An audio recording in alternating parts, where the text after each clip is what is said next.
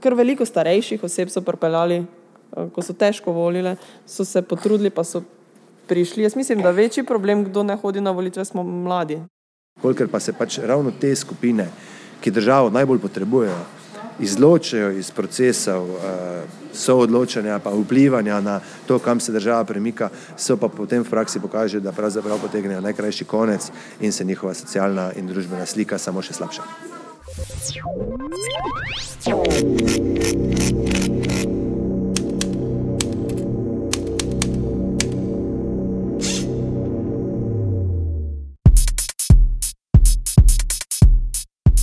pozdravljeni v 41. epizodi počrtov podcasta. Z vami sem ta Topolovec, z terena pa se nam bo glasila tudi naša novinarka Hanna Radilovič. Že šesto obletnico našega podcasta praznujemo to jesen in ob tej priložnosti se želim v imenu celotne ekipe, ki stoji za našo podcast produkcijo, zahvaliti vsem, ki nas poslušate že od naših začetkov in pa vsem, ki ste se pridružili v teh letih. Veseli smo, da ste z nami epizodo za epizodo. Z današnjo 41. epizodo začenjamo novo sezono počrto podcasta in tudi novo temo. Odpiramo namreč temo o udeležbi na volitvah, s katero vstopamo z miniserijo dveh podcastov in ta je prvi. V Sloveniji udeležba na volitvah namreč od začetka 90-ih let dalje na večini volitev pada. Če se je ob osamosvojitvi na državno-zborske volitve odpravilo skoraj milijon 300 tisoč posameznic in posameznikov, je do leta 2014 udeležba padla na najnižjo točko do sedaj pod 900 tisoč voljivcev. Udeležba je še nižja na predsedniških in lokalnih, najnižja pa na evropskih volitvah. In zakaj je to pomembno, se sprašujete? Nizka udeležba na volitvah pomeni, da odločitev manjšega dela prebivalcev vpliva na življenje večine prebivalcev neke države. Če je število voljivcev iz posamičnih družbenih skupin še posebno nizko, pa to pomeni tudi neenakomerno zastopanost pri pomembnih družbenih in političnih odločitvah. Na drugi strani pa se odpira vprašanje legitimnosti oblasti, zaradi česar si države prizadevajo za sistemske ukrepe, s katerimi bi povečali udeležbo na volitvah.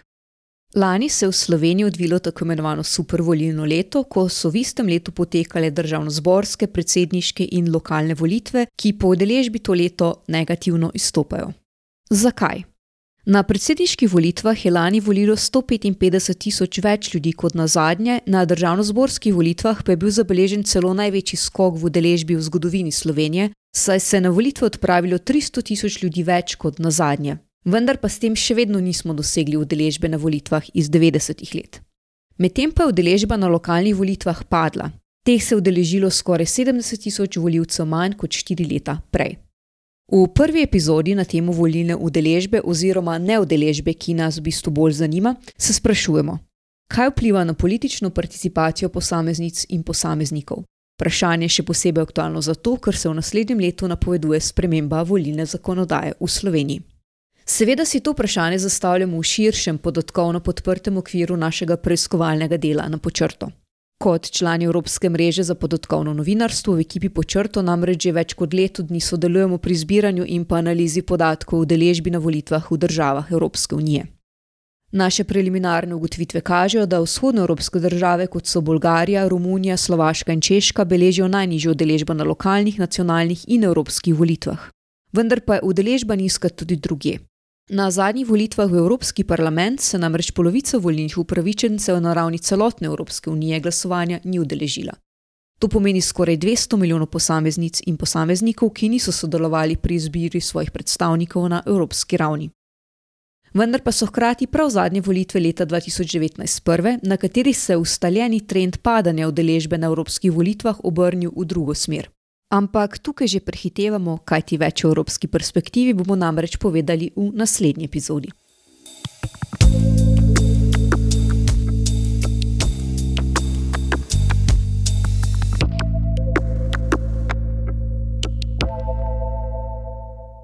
Ta podcast je torej uvod v našo novo temo, v nadaljevanju bomo pa v prihodnjem letu objavili tudi celotno podatkovno analizo udeležbe na volitvah v Sloveniji in pa drugih državah Evropske unije. V tem podkastu pa se bomo najprej odpravili na teren, odkuder se javlja Hana.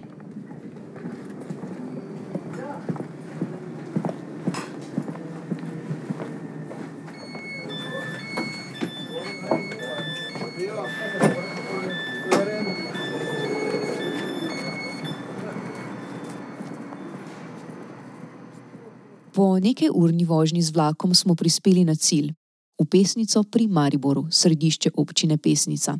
Znašli smo se sredi razpršenih vasi in gričev, prekritih s trtami. Kaj nas je pripeljalo sem? Pri počrtu smo zbrali podatke o deležbi v Sloveniji na vseh lokalnih, državnozborskih, predsedniških in evropskih volitvah za zadnjih 30 let. Na podlagi zbranih podatkov smo preverili, v katerih volilnih okrajih in občinah je bila med letoma 2019 in 2022 udeležba na vseh omenjenih volitvah najnižja. Podatki so nas pripeljali v Podravje, točneje v Maribor in okolico. V občini Pesnica, kjer živi 7600 ljudi, se je lanskih županskih volitev udeležila zgolj tretjina volilnih upravičencev. Govorimo z eno izmed njih, imenujmo jo Petra. Trenutno se nahajamo na volišču oziroma v prostoru, ki se občasno uporablja kot volišče, to je kulturna dvorana v Pesnici pri Mariboru. Katere volitve pa vi ali pa vaši bližnji najbolj spremljate, če primerjamo se prav državno-zborske, predsedniške, evropske pa lokalne, kire so vam najbolj pomembne? Lokalne, ker se mi zdi, da se nas najbolj tičejo, najbolj neposreden vpliv imajo na mogoče naše življenje, pa definitivno tudi državno-zborske z evropskimi, mislim, odeležujemo se vseh, ampak se mi zdi, da tam je vseeno najmanjši eh, efekt nazaj ne, za nas. Število kandidatov za župana se je v občini Pesnica običajno gibalo med 3 in 5, v povprečju pa je na volišče šla približno polovica volilnih upravičencev. Kar 20 let je bil vedno znova izvoljen isti župan. Prva večja sprememba pa se je zgodila leta 2018. O razlogih za to smo govorili s predsednico občinske volilne komisije v Pesnici, magistro Nino Brumen. Pravzaprav, ko smo malo pregledovali podatke še za pretekla leta, torej ko so druge predsednice vodile eh, občinsko volilno komisijo, smo ugotavljali, da je bilo stanje v letih pred 2018 niže od 50 odstotkov. Res velik skok je bil v letu 2018, ali bom rekla, je bil to nek trigger se strani voljivcev, da si želijo spremembo in so se dejansko tudi vključili, ker debate, ki so seveda potekale, so bile v smislu ne, ne kritiziraj, če ne hodiš na volitve in takrat smo res zaznali občuten porast. Na volitvah leta 2018 so občani pesnice prvič zamenjali župana po 20 letih. Ko pa je lani v prvem krogu volitev za župana kandidiral samo en kandidat, aktualni župan sam, je udeležba padla na tretjino. Padec je bil pa res lansko leto, zaradi tega, ker je bil pa samo en kandidat. Prav tako je poskočilo število neveljavnih glasovnic z 13 v 2018 na skoraj 200 v letu 2022. In še pravzaprav preden so se izvajale volitve, smo v občini zaznavali stališča voljivcev, da se zdaj nam pa ni treba na volišče, ker je že tako znano, kdo bo župan ampak so potem tisti, ki so kandidirali za občinski svet in za krajevne skupnosti, seveda spodbujali voljivce, da naj gredo, da se vendarle ne odloča na lokalnih volitvah samo o tem, kdo bo župan. Ampak tudi o tem, kdo bo predstavnik v občinskem svetu, predvsem pa kdo bo predstavnik v krajevni skupnosti, kar je pravzaprav neka skupnost, kjer voljivci lahko zelo neposredno vplivajo tudi na samo delo in lahko pustijo nek pečat v sami krajevni skupnosti. Toda po aktualnih podatkih Nacionalnega inštituta za javno zdravje, tako na ravni Slovenije, kot tudi v občini Pesnica, približno polovica anketiranih meni, da ne morejo sodelovati pri odločitvah lokalne skupnosti in tako spremeniti razmer v svojem kraju na bolje. Kot je razvidno iz uradnih podatkov, v volilni udeležbi se zadnjih 30 let lokalnih volitev v Sloveniji ni udeleževalo poprečju skoraj 730 tisoč ljudi, kar je skoraj polovica volilnih upravičencev malo ljudi v bistvu dela znotraj pesnice v občini, sami približno 80 odstotkov se jih vozi ven na službo. Kakšen vpliv mislite, da ima to na vključenost v sooblikovanje skupnosti na lokalni ravni in spremljanje volitev tukaj? V svoje kraje se vračamo v popoldanskem času.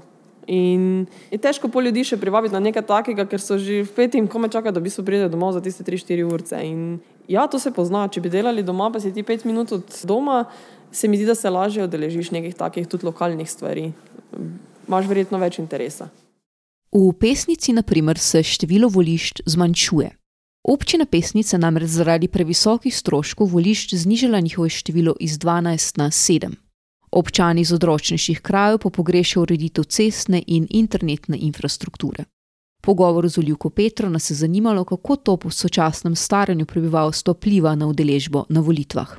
A veste, za kakšne ovire, ki jih imajo občani tukaj z dostopom do informacij o volitvah oziroma o politiki, ali pa mogoče celo težave s fizičnim dostopom do volišč? Naprimer? Ne, mislim, da ne, ker je to opcija volitev na domu. Sicer pri nas je to zelo redko izvajalo v praksi. Ampak mislim, da, koliko se spomnim, recimo, kar veliko starejših oseb so pripeljali, eh, ko so težko volile, so se potrudili, pa so prišli. Jaz mislim, da večji problem, kdo ne hodi na volitve, smo mladi, ne? mlajši del volilnega telesa, bom rekla. Pesnica skupaj z občinama Kungota in Šentil tvori volilni okraj Pesnica, ki se tudi na državno-zborskih, predsedniških in evropskih volitvah uvršča med okraje z najnižjo udeležbo podravski regiji, pa tudi na ravni Slovenije. Na evropskih volitvah je dejansko najnižja udeležba od vseh v Sloveniji in to že vsa leta članstva. Je okrog 70 odstotkov ljudi se ne udeležuje. Ko govorite z komarkoli v, v sosedski ali pa med bližnjimi ali pa z delovnimi kolegi o teh o evropskih volitvah, ukolikor sploh govorite o njih, kakšni so vtisi? Dosti ljudi pove, da ne gre na volitve, ker nima smisla, ker ni nobenega efekta od tega, da je to stran vržen denar, oziroma da politik ne vemo, kaj delajo. Ne?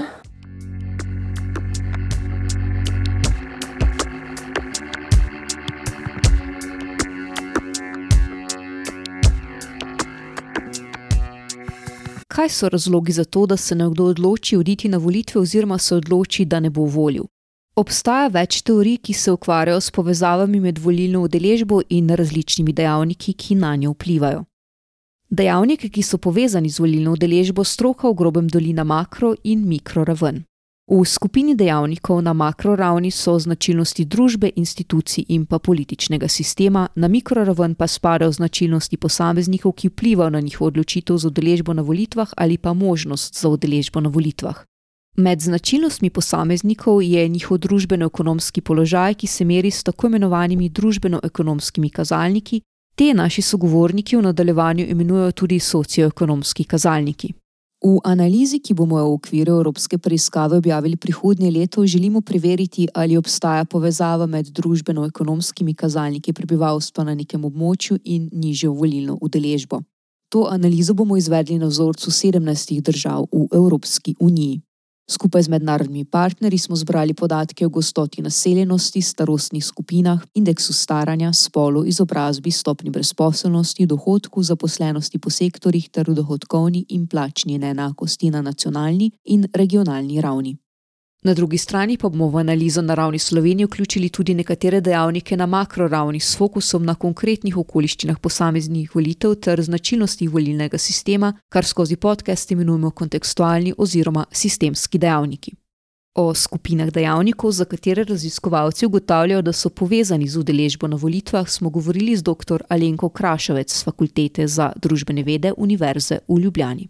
Ena skupina je tista, ki jo lahko označimo kot neke osebnostne in družbene dejavnike, druga ta večja skupina so pa neki kontekstualni oziroma tudi sistemski dejavniki. Zdaj, nekateri od socioekonomskih dejavnikov so taki, da se lahko spremenijo v relativno kratkem okviru, ampak praviloma za njih velja, da se na dolgi rok lahko spremenjajo. Tako da včasih v resnici velja ko imamo opraviti s kakšnim velikim upadom ali porastom volilne udeležbe, eh, se verjetno kaže v resnici za pojasnevalno moč obrniti bolj k nekim mogoče kontekstualnim dejavnikom, kot pa socioekonomskim dejavnikom.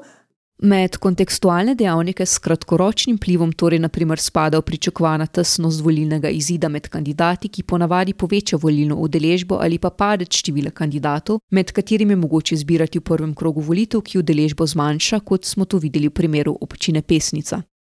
V okviru mednarodne preiskave smo zbrali družbeno-ekonomske kazalnike, za katere strokovnjaki ugotavljajo, da so lahko povezani z volilno udeležbo. Z dr. Krašovec smo govorili o tem, kako vplivajo na dolgoročne spremembe v volilni udeležbi. Če govorimo o tem socioekonomskem modelu oziroma teh socioekonomskih dejavnikih, so zelo pogosto v resnici izpostavljeni naslednji. Lahko rečemo prvo nekakšna izobrazba, prihodki, starost in spol. In zdaj, če poskušamo nekako, če rečemo, prevladujoče ugotovitve sestaviti skupaj z vprašanjem vpliva na volilno udeležbo, se zelo pogosto v resnici kaže sledeči vpliv. Da tisti, ki imajo višjo stopno izobrazbe, zelo pogosto v večji meri se udeležujejo volitev, oziroma tudi širše gledano politično participirajo, kot tisti z nižjo izobrazbo. Da tisti, ki imajo više prihodke, da se zelo pogosto kaže tudi nekakšna višja stopnja volilne udeležbe pri teh ljudeh. Da tisti, ki so starejši, eh, se pravi, da starost je v bistvu narašča tudi volilna udeležba, seveda do neke točke. In uh, zelo pogosto se v bistvu kaže tudi, da moški se v večji meri udeležujejo volitev kot ženske. Kot smo pri počrtu pred leti že ugotavljali v preiskavi o povezavi med zdravstvenim stanjem in socialno ogroženostjo v Sloveniji, obstajajo razlike med posameznimi regijami. Ugotovili smo, da je vzhodni del države revnejši in manj zdrav, saj obstaja povezava med družbeno-ekonomskimi neenakostmi in pa zdravstvenim stanjem prebivalstva. Kakšne pa so sporednice neenakomernega razvoja regij v Sloveniji in udeležbe na volitvah? Pri počrtu smo pridobili in analizirali podatke Statističnega urada Republike Slovenije o družbeno-ekonomskih kazalnikih na regionalni ravni. Od nacionalnega poprečja pri nekaterih družbeno-ekonomskih kazalnikih najbolj odstopa osrednje slovenska regija. Beleži namreč največji delež mladih, najnižji delež starejših, drugi najnižji indeks staranja in daleč najvišji delež više izobraženih. V primerjavi z nacionalnim povprečjem ima osrednja slovenska regija tudi višji mesečni dohodek na prebivalca in pa nižjo stopnjo brezposelnosti. Vendar pa ima po drugi strani v primerjavi z nacionalnim povprečjem daleč najvišjo raven neenakosti v plačah. Na zadnjih volitvah se je osrednja slovenska regija v primerjavi z drugimi regijami uvrstila na prvo mesto po udeležbi na državno-zborskih volitvah in na drugo mesto po udeležbi na predsedniških in evropskih volitvah. Le na lokalni ravni je bila izmed vseh regij predzadnja po udeležbi. To je nekoliko znižalo njeno vrstitev glede na skupno poprečje udeležbe na volitvah v letih 2019 in 2022, saj je bila zato na tretjem mestu. Na zadnjem mestu, glede na poprečje zadnjih volitev, je Podravska regija. Zabeležila je drugo najnižjo udeležbo na državno-zborskih in predsedniških volitvah, prav tako pa se je znašla v skupini z najnižjo udeležbo na lokalnih volitvah. Na zadnjem mestu pa je med regijami pristala tudi po udeležbi na evropskih volitvah. Ko pogledamo podravje socioekonomske plati, ima drugi najnižji mesečni dohodek na prebivalca. Prebivalci regije so si po plačah med seboj sicer približno toliko enaki, kot so si vsi prebivalci na ravni Slovenije. V primerjavi z nacionalnim poprečjem pa podravje beleži višji indeks staranja in višjo stopno brezposobnosti. Kaj te statistične številke pomenijo v praksi, smo šli preveriti v središče humanitarne dejavnosti v regiji. Naslednja postaja Maribor. Next stop Maribor.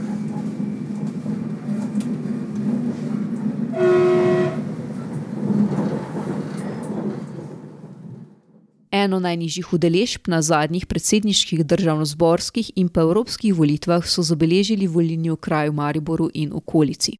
Na tem območju že sedem let deluje metod Dolinšek, sekretar območnega združenja Rdečega križa Maribor.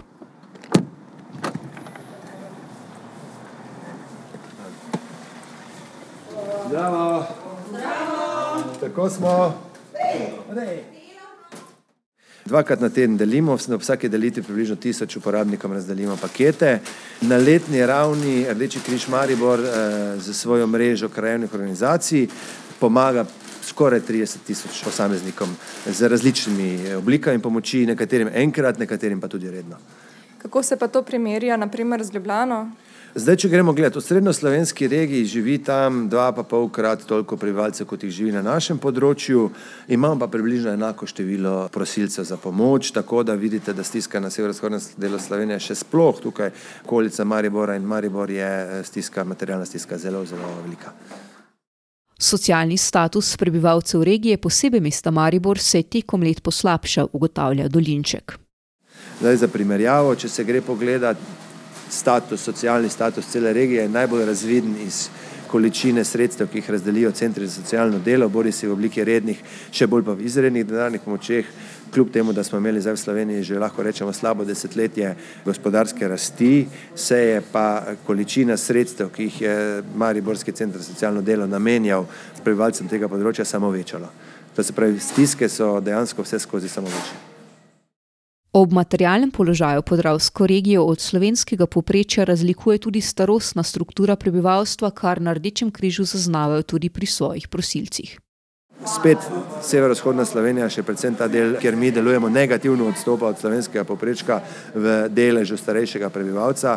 Cirka pet odstotnih točk več je starejših, kot je v popreček Sloveniji.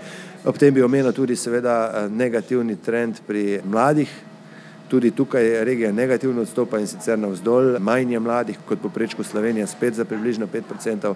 Tako da z ene strani imamo danes stiske, kako pomagati temu vse večjemu deležu starejših, ki ne ima dovolj visokih pokojnin. Ta trend se bo nadaljeval, nažalost vidimo, za kakšne plače delajo ogromno ljudi v tem mestu, posledično bodo pokojnine preniske za neko dostojno življenje. Socialne stiske vplivajo na zmožnost ljudi za politično participacijo in druge aktivnosti. Čeprav se po besedah sogovornikov tako v občini Pesnica, kot tudi širše v severovzhodni Sloveniji ljudje v skupnosti udejstvujejo na gasilskem, športnem, humanitarnem in kulturnem področju, to ni vsem enako dostopno. Tukaj v severovzhodni Sloveniji je zelo močno gasilstvo, zelo močno športna društva, Tudi mi, kot Rdeči križ, imamo precej močno mrežo, prostovoljsko mrežo ljudi, ki želijo organizacije delati. Vendar pa lahko rečemo, da ko pa pride do ene stopnje, ko je ta stiska, socialna stiska tako velika, da pač ljudje težko razmišljajo o čem drugem, se pa stopnja participacije zniža. In če se zniža stopnja participacije pri to vrstnih, rečemo, socialnih aktivnostih, da jih poimenujemo, je popolnoma jasno, da se na vseh aktivnostih povezanih z demokracijo, družbo in državo stopnja aktivnosti in pripravljenosti teh ljudi drastično znižuje. Kolikor pa se pač ravno te skupine, ki državo najbolj potrebujejo, izločijo iz procesov soodločanja, pa vplivanja na to, kam se država premika, so pa potem v praksi pokaže, da pravzaprav potegnejo najkrajši konec in se njihova socialna in družbena slika samo še slabša.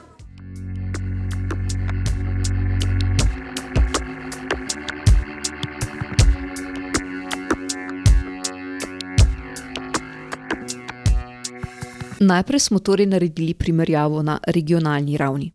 Poglejmo pa še, kakšni so trendi pri udeležbi na volitvah in povezanih družbeno-ekonomskih kazalnikih na ravni Slovenije. Naša analiza podatkov o udeležbi na skupaj 28 volitvah v zadnjih 30 letih v Sloveniji je pokazala naslednje. Tako prve državno-zborske kot predsedniške volitve so leta 1992 na volišča pripeljale skoraj 1 300 000 ljudi. Tako številčne udeležbe kljub rasti prebivalstva do danes nismo uspeli doseči na nobenih volitvah več. Lokalni volitvah so se v Sloveniji sprva udeleževali v manjši meri kot ostalih. Dvig udeležbe se je zgodil v letu 2002, ko so lokalne volitve potekale istočasno s predsedniškimi, vendar pa na kasnejših volitvah udeležba spet padla, dokler niso lokalne volitve lansko leto ponovno pristale na predzadnjem mestu v primerjavi z udeležbo na ostalih volitvah. Zdaleč najnižja pa je udeležba na evropskih volitvah. Večina družbeno-ekonomskih podatkov, ki smo jih pridobili od Statističnega urada Republike Slovenije, je zbrana ali metodološko primerljiva za približno desetletje nazaj. Na nacionalni ravni se družbeno-ekonomski dejavniki v zadnjih desetih letih gibajo v smeri nižanja stopnje brezposobnosti, višanja izobrazbe in pa staranja prebivalstva.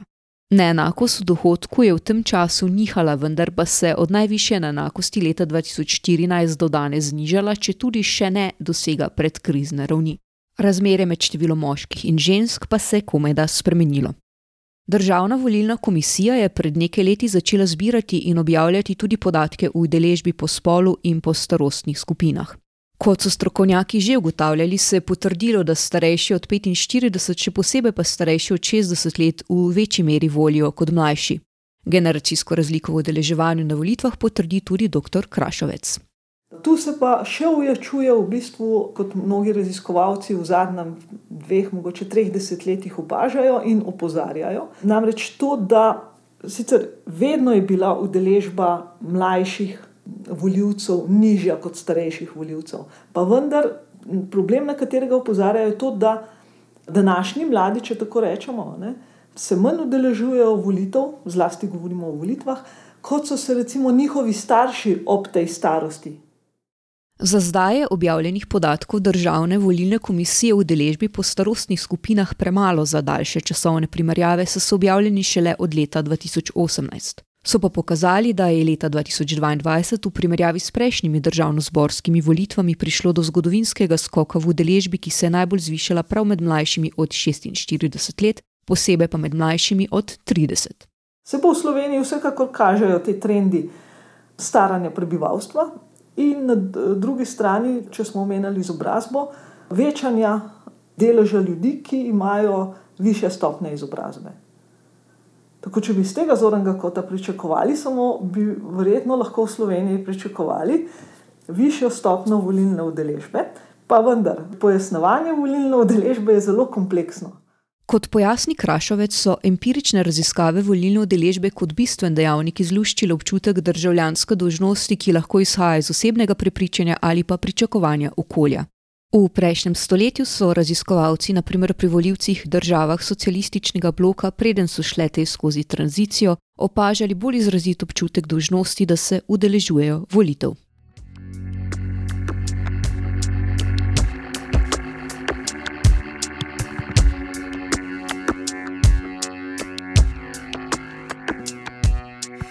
Eden izmed že omenjenih dejavnikov, ki vplivajo na volilno udeležbo, je število kandidatov, med katerimi je mogoče izbirati na volitvah.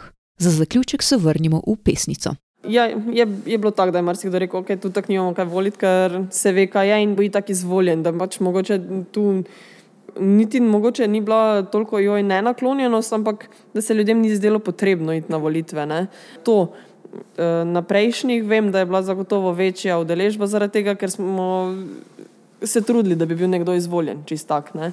Govori voljivka Petra, začetka našega podcasta.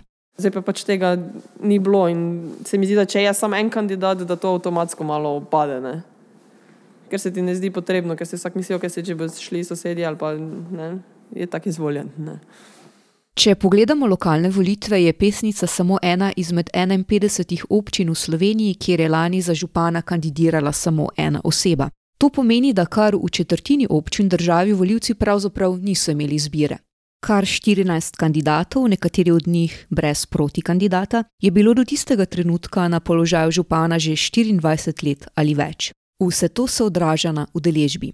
Lokalne volitve so v zadnjih 30 letih na slovenska volišča v povprečju pripeljale manj voljivcev kot volitve predsednika ali poslancev v državni zbor. Razlika v udeležbi glede na vrsto volitev pa je, kot pojasni Krašovec, tudi posledica tega, da se voljivcem ne zdijo vse volitve enako pomembne. Zadeva se enostavno nanaša na vprašanje tega, katere so tiste volitve, na katerih se porazdeljuje moč v najpomembnejših institucijah v posamezni državi. In se potem te volitve primerjajo z drugimi volitvami. V parlamentarnih sistemih kakršen je tudi Slovenija, je tista glavna moč v resnici, ki naj bi bila skoncentrirana v institucije parlamenta in vlade, ki potem je vezan, seveda, na volitve v uh, parlamentarno telo. Tako da so parlamentarne volitve v parlamentarnih sistemih tiste, ki so najpomembnejše. Ostale volitve so manj pomembne. Ponavadi. Manj so pomembne za voljivce, lahko in manj so pomembne tudi za politične stranke. Voljivci to izražajo lahko v udeležbi na volitvah, pri političnih strankah se pa lahko vidi tudi v smislu, predvsem tega, kolikšna finančna sredstva so pripravljene vlagati v kampanje, v mobilizacijo ljudi, kateri kandidati so tisti, ki se pojavljajo na kandidatnih listah. Kot že omenjeno, so lokalne volitve v lanskem supervolilnem letu doživele padec udeležbe in so bile v primerjavi s predsedniškimi in državno-zborskimi volitvami na zadnjem mestu po udeležbi. Predsedniških volitev se je udeležil nekoliko večji delež voljivcev kot v prejšnjih mandatih, znaten porast udeležbe pa se je zgodil na državno-zborskih volitvah. To vrstne spremembe dr. Krašovec pojasnjuje s kontekstualnimi dejavniki je vedno še vprašanje tudi kakšnih drugih dejavnikov, ki jih povezujemo tudi z vprašanjem tega, kaj se dogaja s zanimanjem ljudi, zaupanjem ljudi v politične institucije, v politiko na splošno. To so tudi tisti dejavniki, ki se lahko spremenijo, recimo, tudi v štirih letih. Se pravi, ljudje lahko v štirih letih postanejo bistveno bolj nezadovoljni ali bistveno bolj zadovoljni s politiko, z delovanjem različnih političnih institucij, in to so tudi tisti dejavniki, ki v resnici v zelo veliki meri lahko pojasnjujejo neke večje spremembe ali pa pomembnejše spremembe v kratkem časovnem obdobju.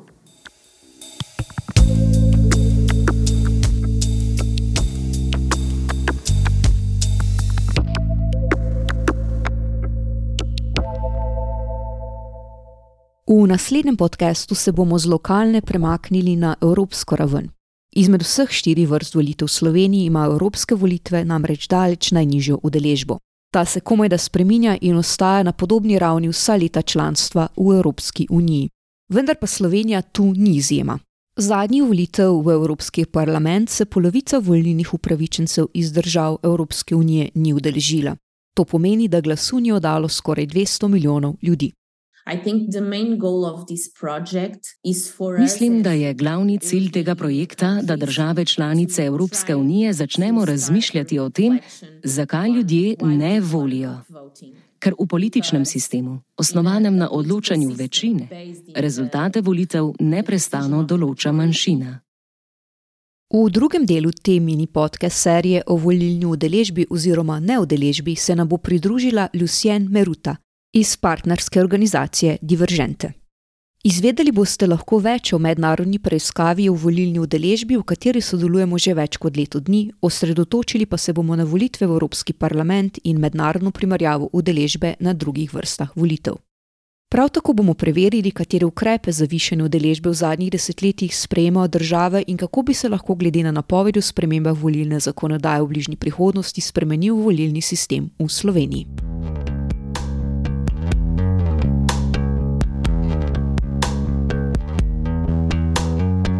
Je bila 41. epizoda počrto podcasta. Z vami so bili Tato Polovic v studiu in Hanna Radilovič na terenu. Podcast smo tokrat za vas pripravili Hanna Radilovič z zbiranjem in analizo podatkov, snemanjem na terenu in pripravo scenarija. Tato Polovic z urejanjem scenarija in vodenjem podcasta. Nina Hlebec s preverjanjem podatkov in lekturo, Lucian Prelog z montažo in zvočno obdelavo, Milan Frat z zvočno podobo, Una Rebic z ilustracijami in Metod Bled z oblikovno podobo. Glas za sinhronizacijo je prispevala Aida Sokler. Izvršna producentka počrto podcasta sem Taja Topolovec.